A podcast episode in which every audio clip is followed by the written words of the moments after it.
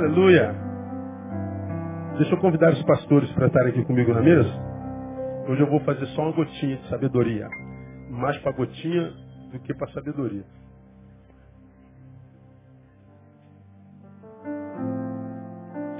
Nós passamos a ceia para a noite, nesse domingo.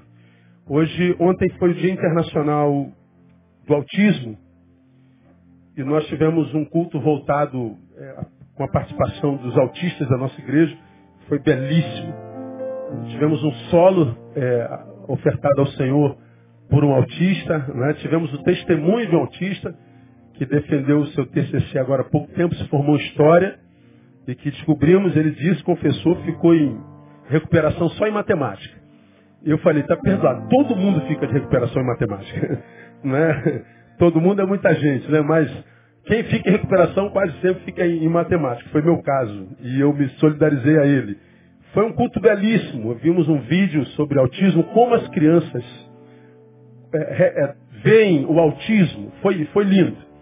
Ao passo que um grupo, um grupo grande, um grupo grande de nossa igreja, um micro-ônibus da igreja, mais alguns automóveis foram para Copacabana, onde houve uma, uma, passeata não promovida pela nossa igreja para tratar de inclusão de autistas. Então nós é, passamos a ceia para essa noite e eu acho que foi bom também.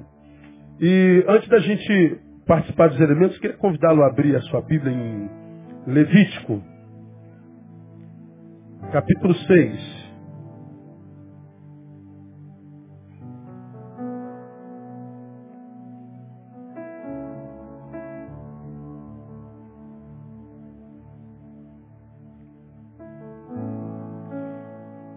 Levítico é o livro das leis, né? As leis de Deus, as leis funcionais do tabernáculo, das liturgias do povo de Deus que havia acabado de sair do, do, do, do Egito. E o livro de Levítico, então, registra as leis, é quase um livro, digamos, é, jurídico, não é? No capítulo 6 de Levítico, dos versos 8 ao 13, está registrado as leis de Deus sobre o holocausto, as leis de Deus sobre o sacrifício. E nesse Levítico capítulo 6, a partir do versículo 8, está dito assim: Disse mais o Senhor a Moisés: Dá ordem a Arão e a seus filhos, dizendo: Esta é a lei do holocausto. O holocausto ficará a noite toda até pela manhã sobre a lareira do altar, e nela se conservará aceso o fogo do altar. E o sacerdote vestirá a sua veste de linho, e vestirá as calças de linho sobre a sua carne, e levantará a cinza, quando o fogo houver consumido o holocausto sobre o altar, e a porá junto ao altar. Depois despirá as suas vestes e vestirá outras vestes e levará a cinza para fora do arraial a um lugar limpo. O fogo sobre o altar se conservará aceso, não se apagará. O sacerdote acenderá lenha nele todos os dias pela manhã e sobre ele porá em ordem o holocausto e queimará a gordura das ofertas pacíficas. Aí vem o versículo 13 que diz: O fogo se conservará continuamente aceso sobre o altar, não se apagará. Em outras versões, o fogo arderá continuamente sobre o altar, não se apagará. Vamos juntos, o fogo arderá, em vez de, de pronunciarmos conservará continuamente, o fogo arderá continuamente sobre o altar, não se apagará. Vamos juntos. O fogo arderá continuamente sobre o altar, não se apagará. Nós sabemos todos o que é o holocausto. O holocausto era uma oferta de um animal que o sacerdote ofertava para espiar o pecado do povo. O sacerdote entrava de quando em quando no Santíssimo Lugar, imolava um animal e o sangue desse animal espiava o pecado do povo, perdoava o pecado do povo. Então, o, o holocausto, o sacrifício, era a expiação através de um sacrifício alheio, no caso de um animal, que ao derramar do sangue, perdoava o pecado do povo. Depois da morte desse animal, e o sangue escorria, diz o texto que essa carne devia ser queimada. Por isso, o ofertório do sacrifício, a oferta do sacrifício, tinha que ser sobre um altar, geralmente de pedra, sobre o qual havia uma chama, uma lareira, uma fogueira, que consumia o holocausto. O texto diz, olha, porque esse, essa chama é de um holocausto que expia pecado, essa chama não pode se apagar, é lei de Deus. O fogo tem que arder sobre o altar. Não pode se apagar. A lei de Deus dizia, a chama tem que consumir todo o sacrifício. Tem que consumir o corpo do animal todo. Por isso ele não pode se extinguir, ele não pode se apagar. E essa, essa, essa, essa oferenda é, perpassou todo o Velho Testamento e todo o holocausto apontava para o sacrifício de Cristo, que foi final. Então todos nós conhecemos a lei do holocausto, nós sabemos que o holocausto é, é, é, é o sacrifício da expiação, o animal, que era um, geralmente um cordeiro, é, apontava para Cristo, que da mesma forma foi imolado na cruz do Calvário, cujo sangue apagou os nossos pecados, acabou com o escrito de dívida que havia eh, sobre nós, e por causa do sangue do Cordeiro sacrificado numa cruz semelhante àquela, nós somos livres. Mas nós sabemos também de uma coisa interessante. O fogo no Novo Testamento, ou na Bíblia Sagrada, significa Espírito Santo. O fogo significa poder de Deus. No Velho Testamento, Todos os holocaustos remetiam a Jesus, cujo sacrifício foi final. Mas há um sacrifício no Novo Testamento, que eu queria ler com vocês também, que está em Romanos capítulo 12. Paulo em Romanos fala de um holocausto também. Paulo fala de um sacrifício.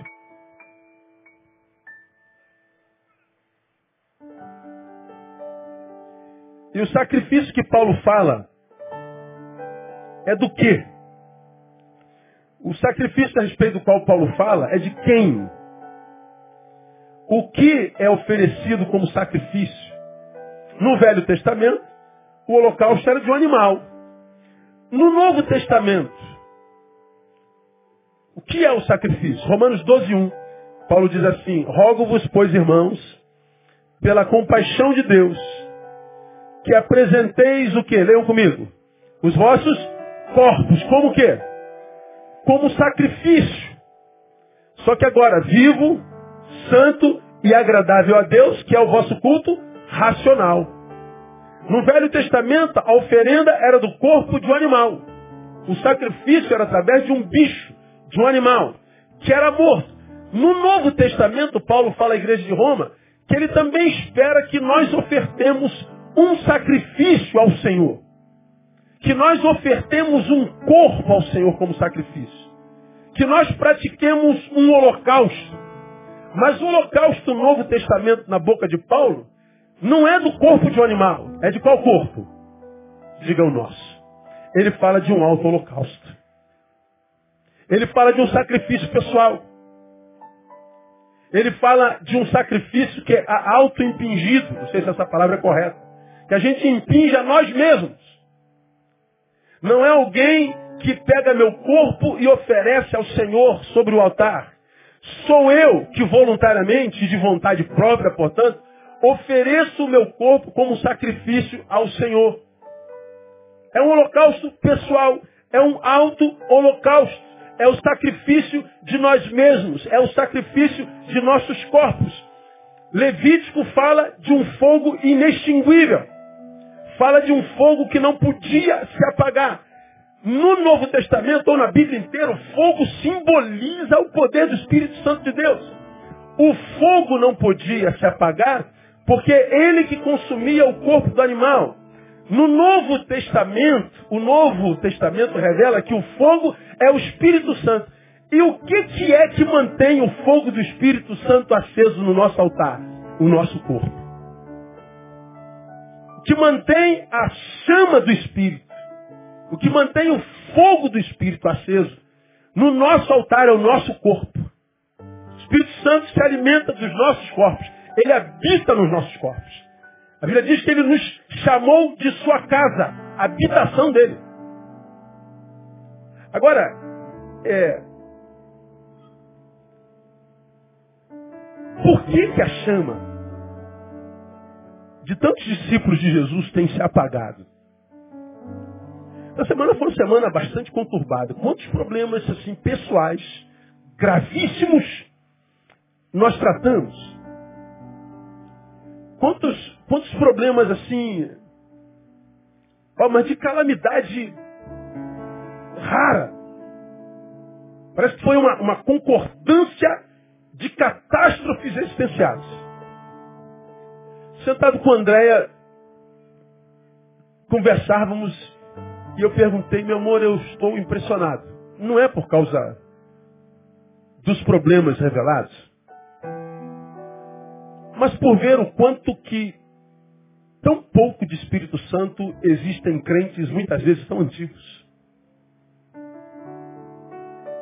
Como que crentes tão antigos parecem que mesmo depois de ouvindo tantos anos a palavra, sabendo tanto sobre a palavra, sobre Deus Pai, Deus Filho e Espírito Santo, na hora de reagir às adversidades da vida, às lutas, às catástrofes da vida, não sai nada de Espírito Santo, não sai nada de valor da palavra, não sai nada de evangelho, das posturas de gente que caminha com a gente por tanto tempo.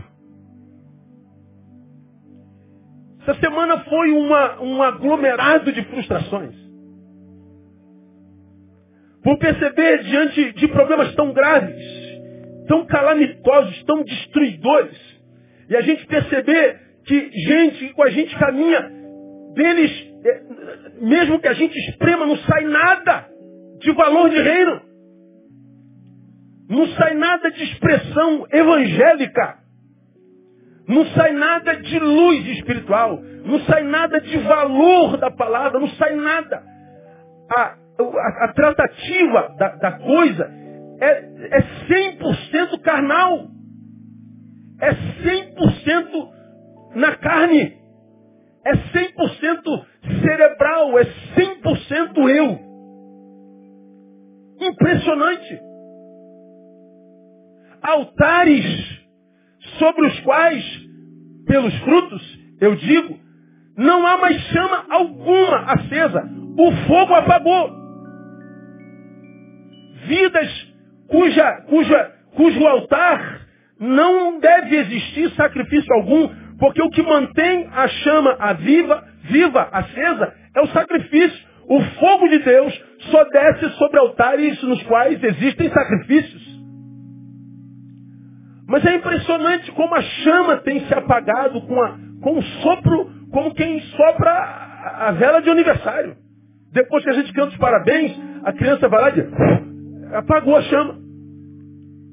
A, a, a ideia, a impressão que eu tenho é que a chama na vida dos cristãos, na vida dos discípulos, tem se apagado com uma facilidade impressionante me assusta. Me assusta.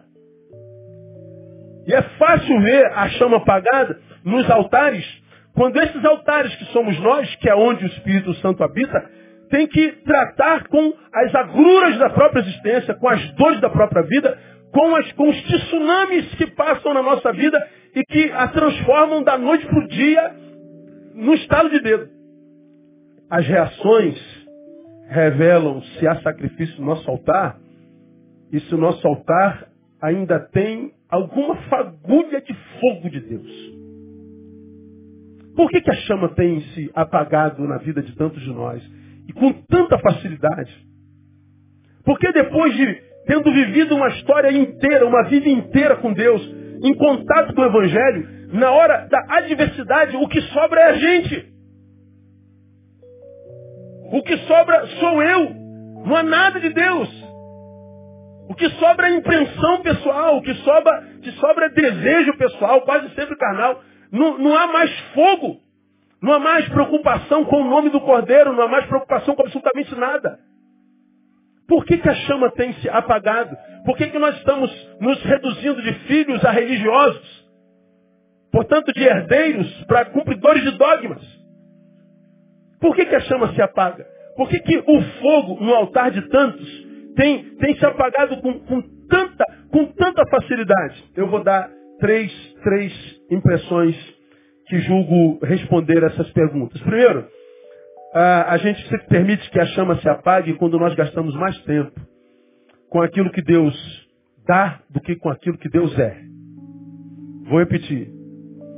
Nossa chama se apaga quando a gente gasta mais tempo com aquilo que Deus dá do que com aquilo que Deus é. Romanos 12, 1 fala de apresentarmos nossos corpos em sacrifício ao Senhor. Corpo, soma, somata, como está lá. Soma, é matéria. Paulo fala que o sacrifício é da nossa vertente material, é a nossa materialidade. A chama consome a matéria. Esse corpo, esse soma que eu sou o que você é, não é em essência o que eu sou o que você é. O corpo é o que nós temos. O corpo não é o que eu sou, é onde o que eu sou existe. É onde o que eu sou, em essência, habita. Eu não sou um corpo que possui um espírito. Eu sou um espírito que possui um corpo. Quando Deus nos formou no Éden, com as suas próprias mãos do pó da terra, depois de prontos permanecíamos deitados inertes, até que ele sopra nas nossas narinas o fôlego de vida. Ele sopra. Diz o texto que o homem se tornou alma vivente. Essa alma viva existe nesse corpo. Da mesma forma como essa camisa é roupa para esse corpo, esse corpo é roupa para minha alma. É através desse corpo que eu expresso amor. Amor você pega. Amor você fotografa. Amor você mensura. Não. Ele é expressado pelo corpo. Saudade você é, é, pega. Você pega em ódio. Você pega em, em, em raiva. Você pega em sono. Você pega em cansaço. Não. São coisas que fazem parte da nossa existência, mas que não são materiais. São imateriais e eles se manifestam através do corpo. Eu estou cansado, seu rosto se abate. Aí alguém te vê e diz assim, pô, você está cansado, né? Pô, estou muito cansado. Você faz cara feia, estou com raiva. Não, pastor, está errado. O corpo revela o que eu sinto lá dentro. Estou com uma saudade. A gente fica com cara de paisagem. Saudade. A saudade não se pega. A vida se manifesta. Intra e ele é expresso através desse corpo. Quando é que a nossa chama se apaga? Quando nós gastamos mais tempo com o corpo, que é o que a gente tem, do que com aquilo que a gente é, a essência. Por isso que Paulo diz, esse corpo que você tem, que não é a priori o que você é, é aquilo através do que você existe, é uma coisa que você deveria usar para transformar em objeto de adoração a Deus e não para ser o objeto da sua adoração. Por que, que as nossas chamas têm se apagado? Porque ao invés de eu usar o meu corpo como um objeto que adora a Deus, eu pego o meu corpo e transformo no objeto da minha adoração. Somos corpólatras. Somos adoradores da imagem. Somos adoradores do que parecemos ser, não do que somos. Gastamos muito mais tempo com esse corpo do que com a nossa alma alimentamos muito mais vezes o corpo, que é o que a gente tem, do que a nossa alma, que é o que a gente é. Como a gente gasta muito mais tempo com o que Deus deu do que com o que Deus é ou com o que eu sou, a chama vai se apagando, porque o corpo que deveria ser sacrificado sobre o altar continua vivo. Esse corpo não morre. Portanto, as fraquezas que caminham nele, que habitam nele, se fortalece em mim de tal forma que a minha alma desnutrida se torna um pigmeu dentro de mim, tendo que lutar com um corpo que parece o corpo de, de, de, de um campeão peso pesado de MMA. Minha alma se torna tão frágil, tão fraca. O meu altar, aquele altar que é dentro de mim para Deus, porque não há sacrifício de meu corpo nele, se torna um altar com a chama tão fraca, com uma chama tão sem sentido, tão, tão pequena, que eu não tenho como lutar contra o meu corpo, de que quando o meu corpo me clama, quando o meu corpo me requer, eu não tenho como dizer não para ele. É o que a gente vê acontecendo.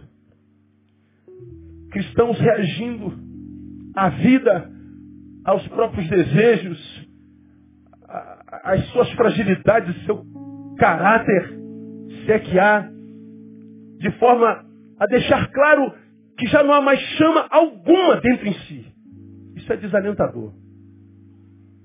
A reflexão para nós nessa, nessa celebração de ceia é como está a chama do teu altar. Qual é a gravidade, ou qual é a profundidade, ou quais são os danos que você tem sofrido na luta que você trava entre a tua alma e o teu corpo? Ou será que não há mais luta? Ou será que o seu corpo já sequestrou a tua alma, de modo que você é, é hoje só um número no meio da massa? Existe chama acesa ainda no teu altar? E o texto me diz que o que faz a chama continuar acesa é o sacrifício do meu corpo. É o meu corpo. Não é, eu, eu quero consagrar minha alma a ti. Eu quero consagrar o meu espírito. São Paulo está dizendo o sacrifício é do corpo. E por que, que a palavra é sacrifício? Porque não é fácil. Não é fácil ter domínio sobre o corpo. Porque a Bíblia diz que, usando uma linguagem antagônica, a palavra diz que a carne é o quê? A carne é? Não ouvi. Fraca. Fraca com relação ao quê? As coisas do Espírito. Quando o meu espírito clama por Deus, quando o meu espírito clama pelo Espírito de Deus, quando o meu espírito que habita essa carne clama pelas coisas do céu, a minha carne, ela não tem força para caminhar com facilidade para a coisa do céu. Ela é fraca para obedecer uma alma que clama pelas coisas do divino.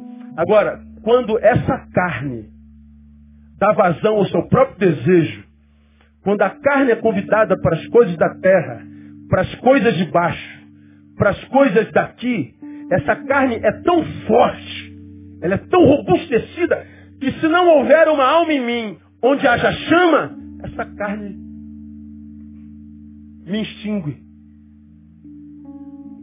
Eu me torno um pedaço de carne andante, dentro da qual não há absolutamente nada de Deus. E uma carne dentro da qual não há absolutamente nada de Deus, será uma carne completamente sensível, suscetível às coisas do inferno. E nós, se olharmos para a realidade da nossa sociedade hoje, nós vivemos uma sociedade de homens que carregam o inferno dentro de si.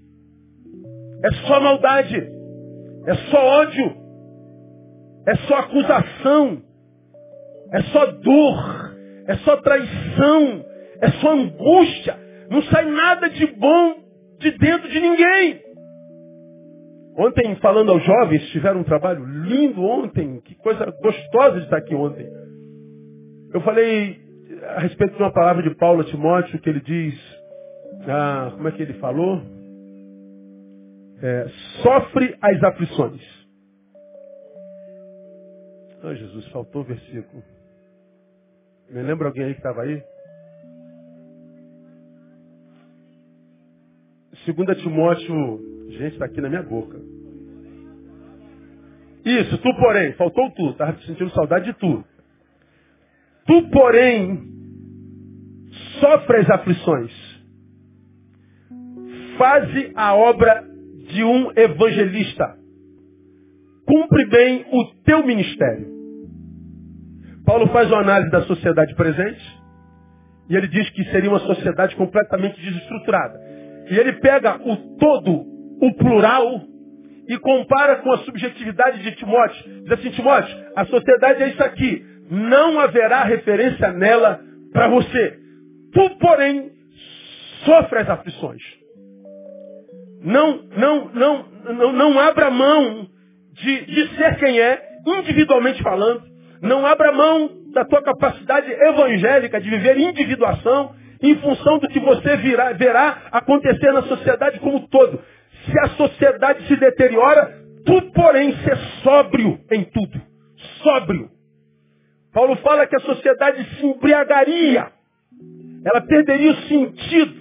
Ela caminharia como quem está embriagado, como quem não percebe mais nada, como quem perdeu sensibilidade. Ele está dizendo assim, tu porém ser sóbrio, não se embriague com aquilo que tem embriagado a todos. E ele diz lá, é, faz a obra de um evangelista. A palavra faz a obra de um evangelista é ah, trabalha como quem possui o evangelho. O trabalho de um evangelista não é só a pregação do Evangelho. O Evangelho, diz a palavra, são novas de grande alegria. Novas de grande alegria. Então ele está dizendo, Timóteo, você não vai ter na sua geração referência alguma para ser um homem de Deus. Não faça dos homens a tua referência para nada. Seja alguém individuado, não individualista. Seja alguém que tenha personalidade, não se corrompa, não se embriague com quem embriaga todo mundo. E você seja alguém que cumpre a obra de um evangelista, ou seja, de alguém que carrega boas novas, de alguém cuja palavra é sempre de graça, de alguém cuja vida cure, cuja presença ilumine. Seja você, embora ninguém faça isso, uma presença que clarifique, uma presença que, que traga gozo, que traga paz, que traga alegria. Seja um agente de coisa boa, porque você não vai encontrar mais isso na sociedade. Essa palavra ela serve para nós, mas para que a gente viva como quem possui o Evangelho, tem que haver fogo no altar. Porque senão, irmão, é estar aqui é a maior perda de tempo. Eu, se eu não tivesse condição de viver o Evangelho com seriedade, cara, eu estaria em qualquer lugar, menos aqui. Se todo o prazer que eu tivesse na vida fosse só na carne, se o meu corpo já tivesse levado a minha alma, não se sabe para onde, se não houvesse em mim fome espiritual alguma, se não houvesse em mim interesse algum de agradar o Senhor, cujos olhos tudo vê, que conhece a, as entranhas da nossa alma, se não houvesse em mim, cara, eu, eu passava bem longe desse lugar. Eu ia dar vazão a todos os desejos da minha carne, aos desejos mais obscuros, mais mais, mais carnais, mais abissais, mais anômalos. Porque é todo o prazer que eu teria na vida.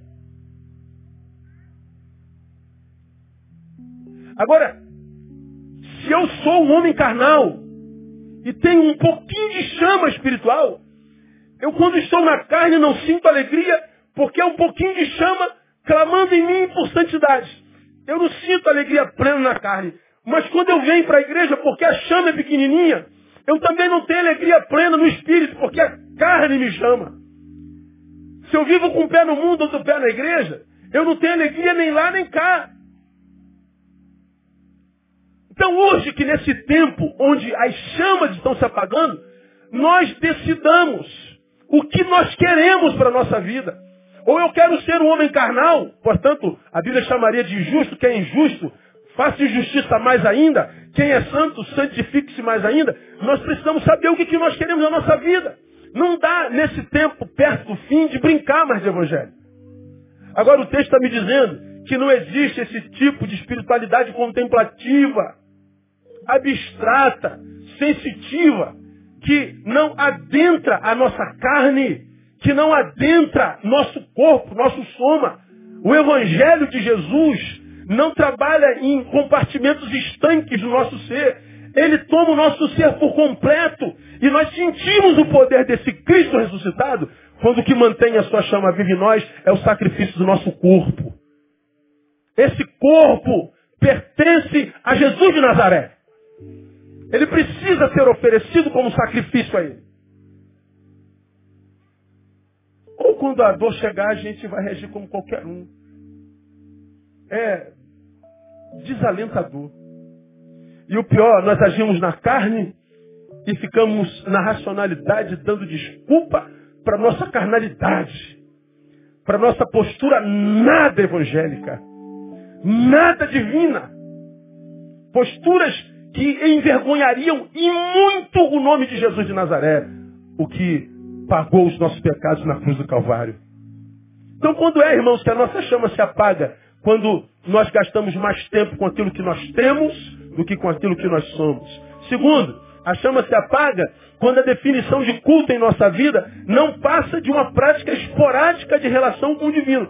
Nossa, nossa espiritualidade, nossa definição de culto não, na, na, vida não passa de uma, de uma, de uma prática esporádica. Por exemplo, culto para nós acontece domingo às 18. Se culto para nós tem a ver com lugar, templo. Se culto para nós tem a ver com cronos, 18 horas. Se culto para nós tem a ver com forma, com forma, tem a ver com, com coletividade, nós não entendemos nada de evangelho. Se a nossa visão de culto é essa, nós, nós estamos perdidos. Porque Paulo fala no capítulo 12 o seguinte: Rogo-vos, pois, irmãos, pela compaixão de Deus, que apresenteis vossos corpos como sacrifício vivo, santo e agradável a Deus, que é o vosso culto racional. Ele está dizendo: meu culto não é domingo às 18, meu culto começa com o sacrifício do corpo. Portanto, começa em casa, começa em mim. Eu não vou ao culto, eu sou o culto.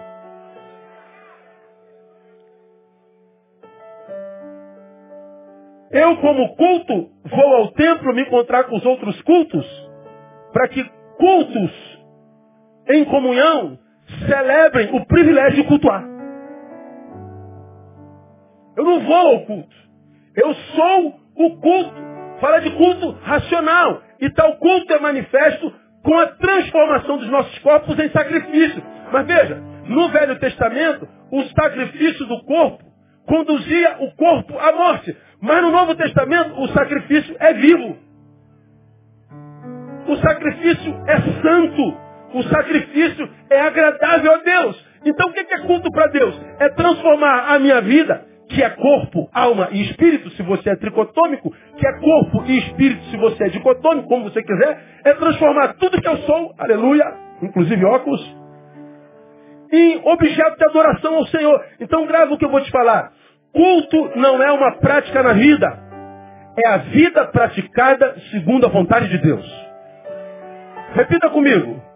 Culto não é uma prática na vida. É a vida praticada segundo a vontade de Deus. E para fazer a vontade de Deus eu não preciso ir à igreja. Eu faço a vontade de Deus onde quer que eu esteja, fazendo o que eu estivesse fazendo, a hora que for. Não tem a ver com lugar, com cronos, não tem nada. É vida. Culto é o que eu sou. Agora, se a nossa, se, a, se a definição de culto para mim é só ir à igreja no domingo e quando acaba o culto não tem mais nada a ver com Deus, eu vou viver para mim, para o meu prazer, eu vou guardar minha alma dentro da cadeia existencial e vou dar vazão só ao meu corpo, um corpo inútil, um corpo egoísta, um corpo que não serve, um corpo que, como eu falei de manhã, falei no ano passado todinho, não é caminho de Deus para lugar nenhum. Deus não pode usar o meu corpo, a minha vida, para chegar a ninguém, porque eu não estou caminhando em direção a ninguém, nem me interessa. Ou não tem como, irmão. No dia da angústia, de experimentar Deus não, a chama vai apagar mesmo. Cara, como essa palavra mexeu comigo, o fogo arderá continuamente sobre o altar, não se apagará. Se isso é promessa de Deus, eu quero viver isso na minha vida. Você também, amém ou não? Temos que redefinir o que seja culto. Teu culto não começa às 18 e termina às 20 30. Teu culto começa a hora que você acorda, termina a hora que você dorme. E quando você dorme, dorme porque o Senhor te guarda. Eu me deito e durmo, acordo porque o Senhor me sustém. Por que, que Ele me sustém? Porque eu andei com Ele, produzi para Ele o dia inteiro. Porque eu produzi para Ele o dia inteiro, à noite Ele me dá descanso. Agora, porque muitos de nós não descansam à noite? Porque a vida não está disponível para Deus. O teu cansaço é por erro de gestão. O teu cansaço é o cansaço de egoísmo. O teu cansaço é o cansaço do ensimesmamento. Egoísmo. Egoísmo é excesso de eu em mim. Guarda essa frase aí. Egoísmo é excesso de eu em mim. Há tanto eu em mim que não cabe mais ninguém. Não há nenhum eu outro ou outro eu que me interesse. Eu estou tão sequestrado por mim, pelos meus desejos, pelas minhas vontades, pelos meus tesões, pelos meus sonhos, meus projetos, que qualquer outro eu não me interessa mais. E aí quando a angústia vem, você percebe que não há mais chama alguma. Nenhuma. O fogo se apagou. Quando é que o fogo se apaga? Quando eu gasto mais tempo com o que eu tenho do que com aquilo que eu sou. Quando a definição de culto na nossa vida não passa de uma prática esporádica de relação com o divino. O culto não é uma prática na vida, é a vida praticada segundo a vontade de Deus. Termino. Quando é que a chama se apaga? Quando a nossa, nossa mente se torna secularizada. Sobre secularismo não preciso falar porque eu preguei sobre isso semana retrasada. Você se lembra daquela palavra porque ela é inesquecível. Todo crente devia pegar aquele DVD e ouvir aquele sermão pelo menos uma vez a cada semestre. Se puder ouvir a todo mês, para você se guardar do secularismo. Que, que é uma, uma, uma, uma cidade evangelizada, por exemplo, eu falei lá. Uma cidade evangelizada é uma cidade de tal forma influenciada pelo Evangelho que ela passa a viver segundo os valores do Evangelho. Nós vamos ver a justiça correndo pelas ruas. Nós vamos ver equidade, nós vamos ver igualdade, nós vamos ver respeito ao próximo, amor ao próximo.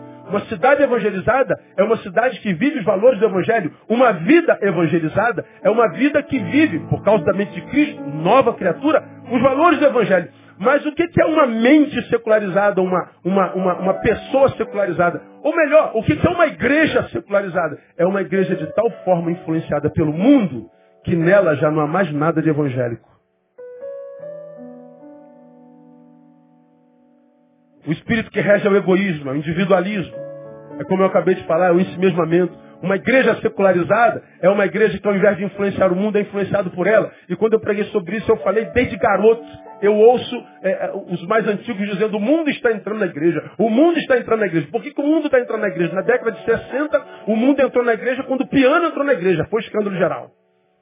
Na década de 60, no início de 80, o mundo está entrando na igreja porque a bateria entrou na igreja. Na década de 80, o mundo, assim, em totum, entrou na igreja porque entrou a tumbadora da macumba na, na, na igreja. Ou seja, o mundo entrar na igreja, para o crente, principalmente o mais jurássico, como diria o Jeremias, os batistossauros, os assembleiosauros, o presbiteriano rex, como diz o Jeremias Pereira, para eles, o mundo não pode entrar na igreja. O mundo entra na igreja quando mexe com a nossa liturgia, quando mexe com a nossa cultura, quando mexe com o nosso culto, quando mexe com, com os nossos cânticos. O mundo entrou na igreja. E eu sempre disse, não há como o mundo não entrar na igreja. Porque a Bíblia diz que joio e trigo caminharão junto e só no final eles serão separados. O santo e o profano habitam a igreja. João 10, 10 diz que aquele que entrou pela porta do aprisco é o pastor das ovelhas, mas o que entrou por outra parte é ladrão e salteador. O que entrou pela porta está dentro, o que entrou por outra parte também está dentro. Um é pastor, o outro é ladrão e salteador. O profano e o santo coabitam na igreja, o que não é problema nenhum. Não há problema de o um mundo entrar na igreja, o problema é quando a igreja não entra no mundo. Não há como a igreja não ser influenciada pelo mundo. O que é inadmissível é a igreja não influenciar o mundo. Esse é que é o problema. Quando é que a chama se apaga? Quando eu me torno uma mente secularizada. Eu não penso mais com os valores do Evangelho. Foi o que eu falei dessa semana. Não há mais nada de Evangelho, nada. Não há nada. Vergonha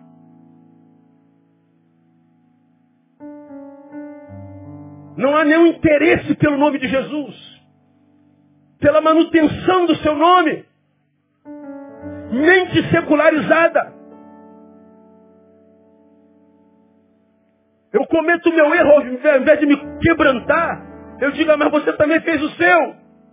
E o fato dele ter pecado é direito a mim de pecar também. Meu irmão, se assim somos, a chama vai apagar mesmo. Eu vou te dizer, olha, viver evangelho sem chama do Espírito é pior do que karma. Viver o evangelho sem ser evangélico é impossível. Permanecer na igreja sem ser igreja é impossível. Por isso a debandada geral. Não há permanência. Não há bênção da permanência. Não há bênção da longevidade. Porque a igreja é para quem é igreja. Quem não é igreja não se sente bem na igreja. Como também, como quem é igreja não se sente em casa no mundo. E eu não estou falando de geografia, estou falando de princípios. Estamos começando hoje mais um ano eclesiástico. Esse é o primeiro domingo do ano eclesiástico 2016-2017. E que eu tenho profetizado que será o melhor ano da nossa igreja no nome de Jesus. 2015 foi um ano bárbaro para nós. Nossa igreja vive um momento maravilhoso. Louvado seja o nome do Senhor. Prenúncio de muita crise para a nação. Mas acredite, seu pastor tem prenúncio e palavra de Deus de muita bênção para a igreja. Fica fora quem quiser. Deus abrindo as portas da nossa cidade para nós, do nosso país, para do mundo para nós. Convite do mundo inteiro. Você sabe o que é mundo? Não, mundo inteiro é muita coisa. Mas é muita, muita parte do mundo. Queria ser uns 10 para poder dar vazão que a gente recebe como convite. Não dá. Às vezes olho para Deus e diz, Deus, por que tanto privilégio? Tu podes fazer o, o, o que tu queres fazer sem nós muito melhor do que nós. Por que, que o Senhor nos dá esse privilégio? Ele simplesmente resolveu dar a nós. Não há mérito em nós, ele elegeu a gente pronto. Eu vos escolhi e pronto. E se Deus escolheu escolher a gente, ninguém pode fazer nada. A gente só pode dizer, eis-me aqui, Senhor, envia-me a mim. Agora, quem vai experimentar o, o de Deus para 2016? Quem houver, em quem houver chama, porque a ordem é, o fogo arderá continuamente sobre o altar, não se apagará. E o que o mantém, a chama acesa, é o sacrifício dos nossos corpos. Então, meu irmão, decida entre você e o teu corpo, quem vai mandar em você esse ano? Se você vai continuar sendo esta porcaria que sabe ser, ou se esta porcaria que você é vai dizer para o teu corpo, hoje o poder está trocando de mão. Eu não vou ser teu escravo. Você vai ser meu servo, porque eu vou ser servo do Espírito Santo. Não quero mais viver só para mim, para os meus desejos, para as minhas vontades. Eu quero ser alguém que realiza desejos de Deus, que ajuda a, a, a semelhantes. Porque nós que já fomos batizados no amor, no amor dele, já estamos supridos. Do que, que você tem falta, irmão? O que, que falta na tua vida? Pensa. Isaías acabou de citar um versículo que diz que não existe E nele. O Senhor é meu pastor, nada me faltará. O Senhor é teu pastor? Quantos podem dizer o Senhor é meu pastor nessa noite? Diga assim, o Senhor é meu pastor. Então não está te faltando nada, não vem? Não está te faltando nada. Nada que seja capaz de impedir a tua jornada.